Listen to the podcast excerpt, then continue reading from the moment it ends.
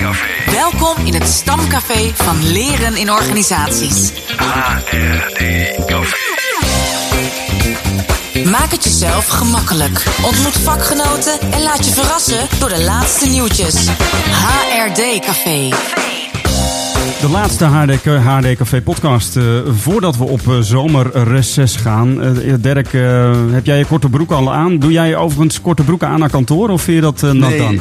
Nee, ik vind dat not done. Ik had het gisteren nog dat ik last minute veranderde van broek toen ik spontaan iets met mijn arbeidsongeschiktheidsverzekering moest regelen bij een kantoor om de hoek. En toen heb ik mijn korte broek toch ingeruild voor een lange broek. Dus dat werd wel gewaardeerd. Maar ja, goed, ik, ik heb nog geen zomervakantie hoor. Ik ga door tot eind september. En volgens mij stap jij op bijna in de zwarte parel om met de familie naar het mooie Italië af te reizen, of niet? Volgende week uh, rijd ik denk ik uh, zo'n beetje op dit tijdstip door de Gotthardtunnel. Dus uh, zoals oh, het mee zit. Ja. Meine goede. Ja, en dan koers me aan op Zuid-Toscane. Dus ontzettend veel zin in. En, en Niels, jij bent alweer terug zelfs van een weekje Frankrijk. Was dat nou vakantie of, of je hebt ook nog wat gewerkt hè, geloof ik, afgelopen week? Ja, het is wel vakantie geweest. Uh, met heel het gezin, samen met mijn ouders en mijn broers en zussen weg geweest.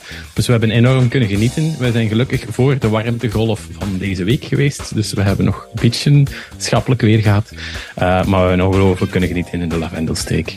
Heerlijk. Dus uh, het was fantastisch.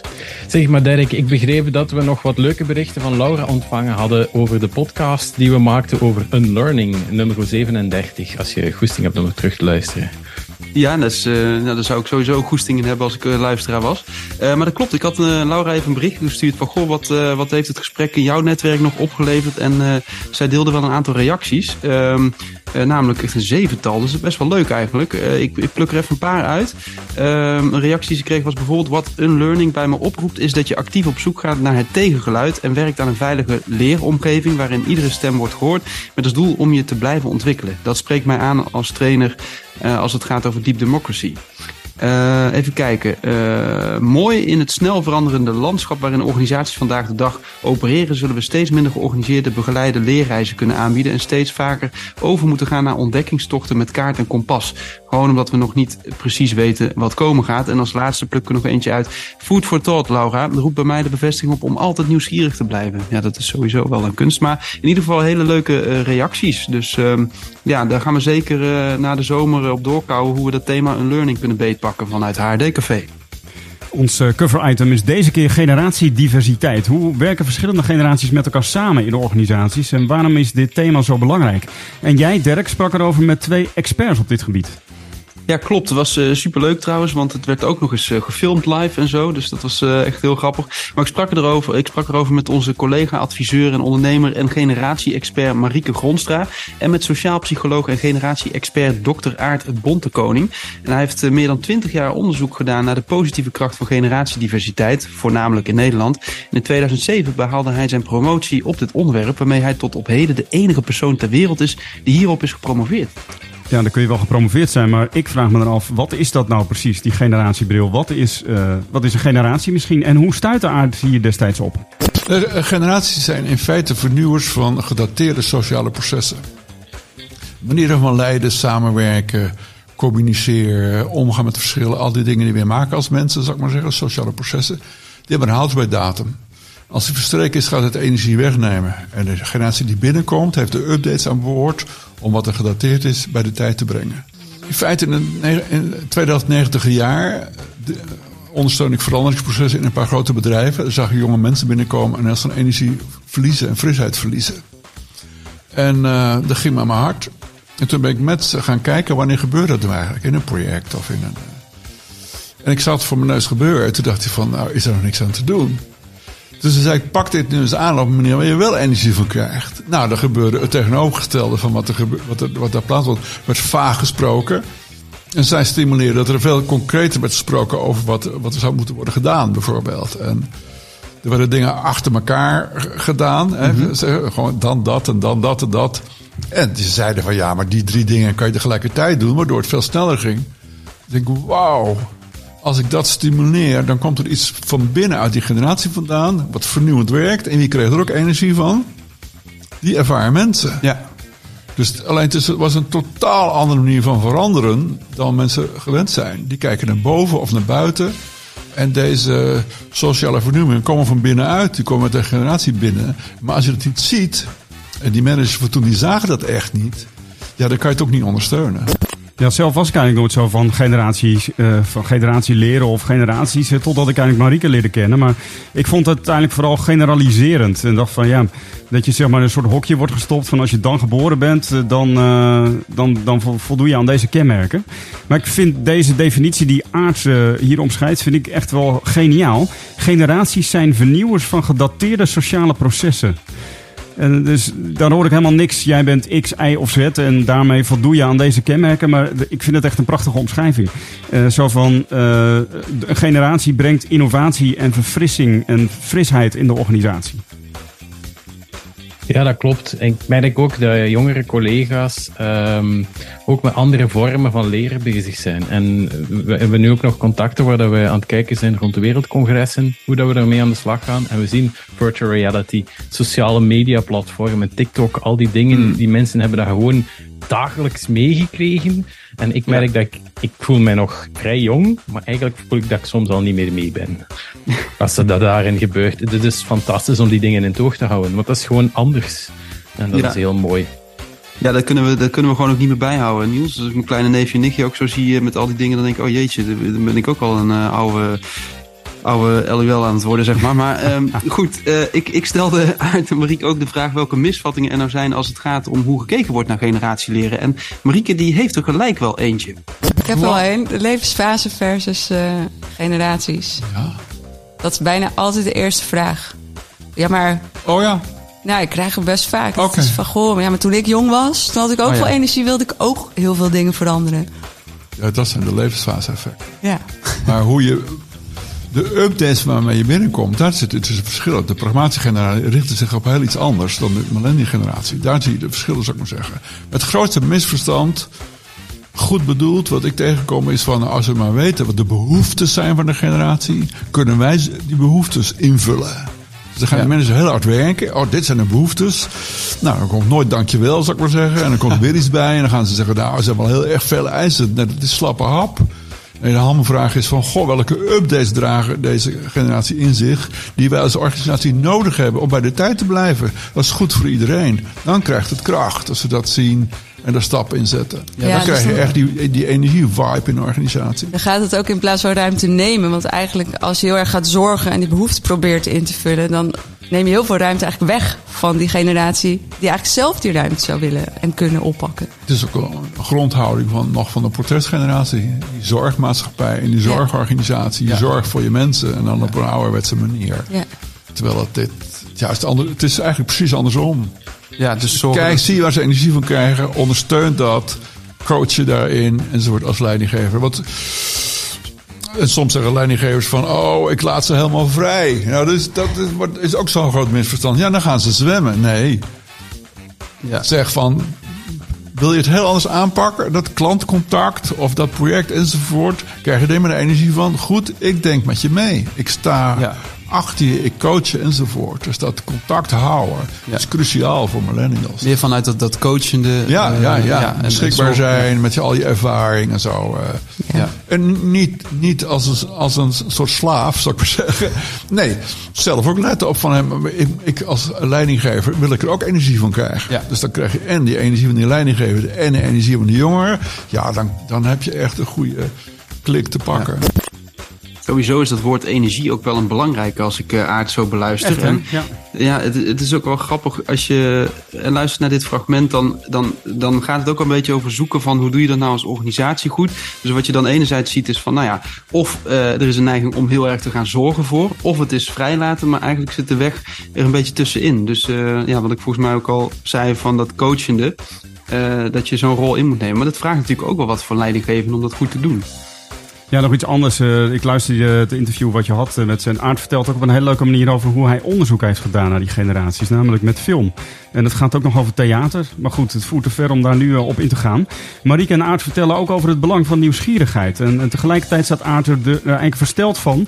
Van wat millennials wel niet accepteren. Hij spreekt zelfs over bureaucratische mishandeling.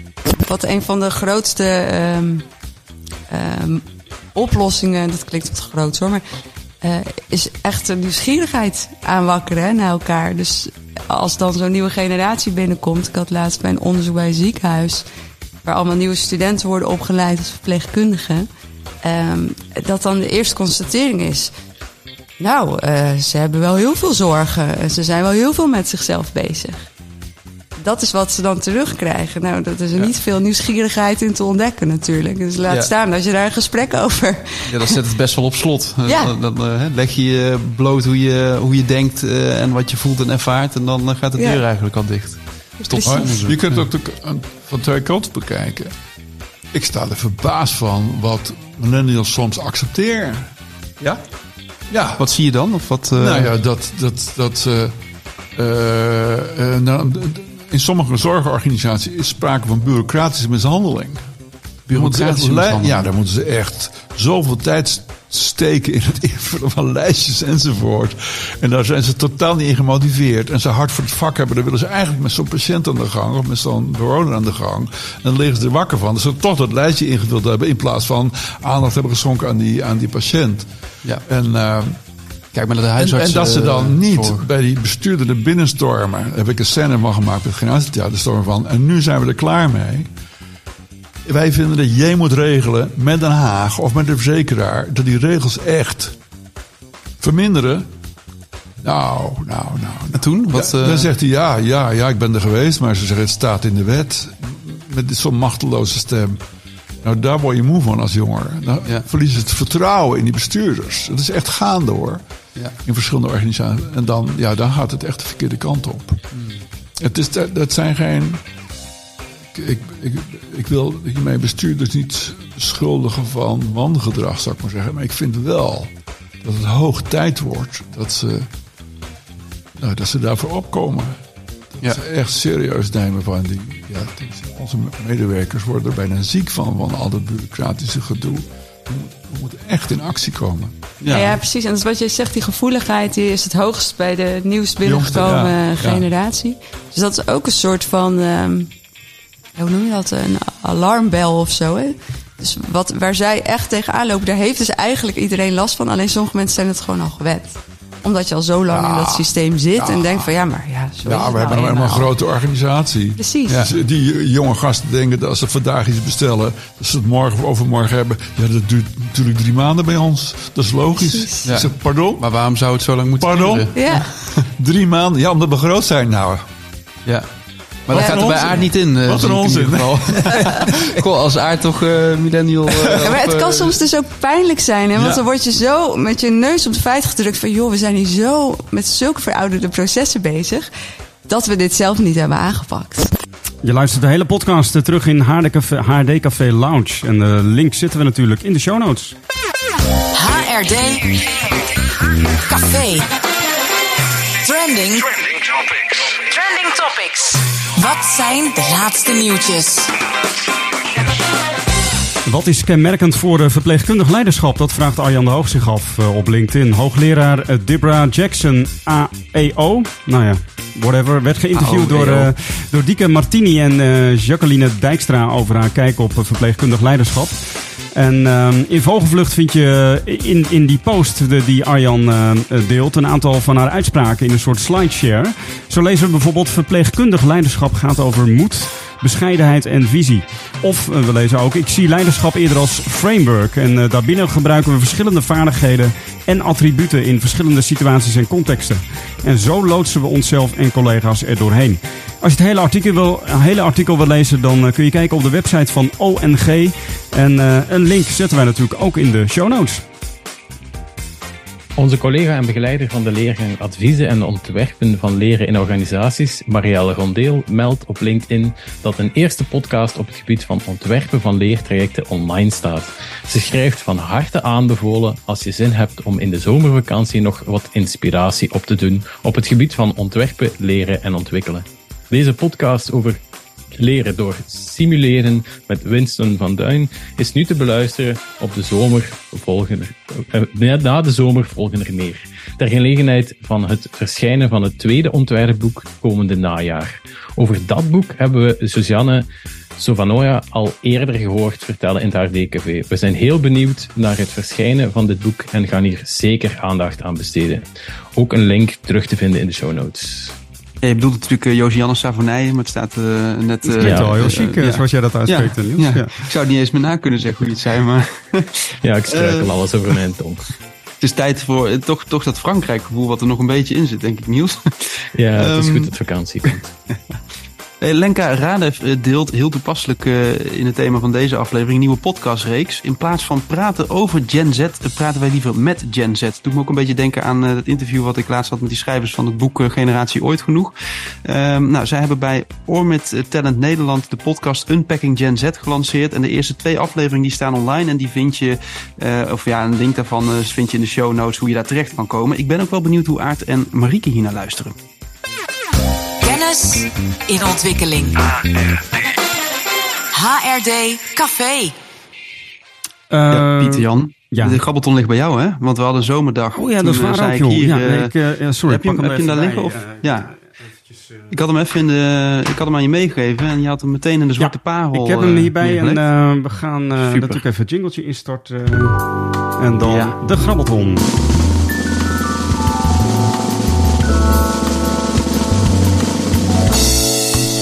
Nummer 99. Zo.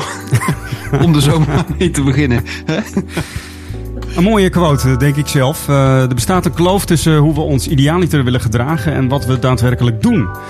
Eh, tussen dat wat als we wijze en verstandig eh, gedrag beschouwen en onze emotionele reacties in de dagelijkse praktijk.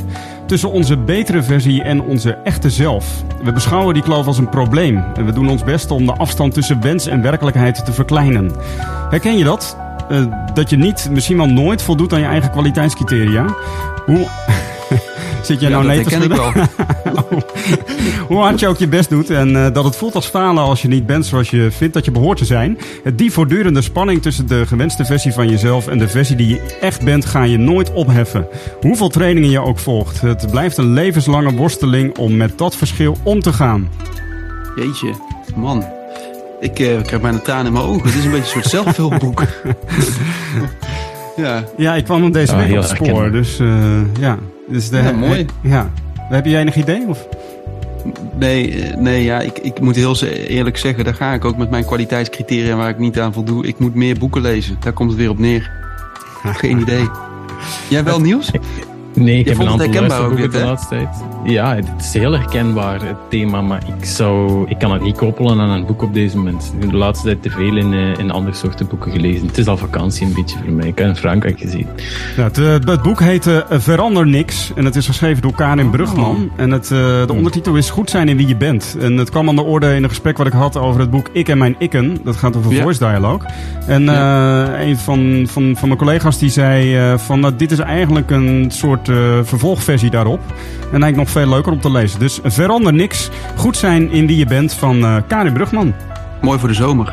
HRD Café. Hey, wij gaan nu afscheid nemen van onze vriendjes en vriendinnetjes. Ja, ik hoor het al. De muziek is gestart. En wij zingen. Nee, serieus? Oh. Ik hoop dat de luisteraars nog zin hebben om volgend jaar eh, te luisteren. Naar de zomer bedoel ik. Ik word even teruggecatapulteerd naar mijn jeugd. Ja, ik ook. Ja. Jeetje. Aad van Toorn. Nou, leuk dat je luistert naar de laatste HRD-podcast van dit eh, zomerseizoen. Ik hoop dus echt dat je ook na de, de- hoe heet het, na de zomer zin hebt om te luisteren. Ja, dat, eh, je hebt er een hard hoofd Ik in. zag als hem niet aankomen, dit PJ. Ja, na de zomer zijn wij er weer. Heb je ideeën over inhoud of vormen die onze podcast nog leuker maken? Stuur een berichtje naar reactie.hrdcafé.nl Heb een fijne zomer. Veel crisissen, ook in Nederland, worden veroorzaakt door verouderd gedrag. En eh, dat maakt het eigenlijk het hartstikke noodzakelijk dat we die frisse energie van de jonge generaties optimaal benutten om met z'n allen bij de tijd te blijven. Deze podcast Deze podcast werd geproduceerd door Kessels en Smit Kessels en Smit. Broadcasting.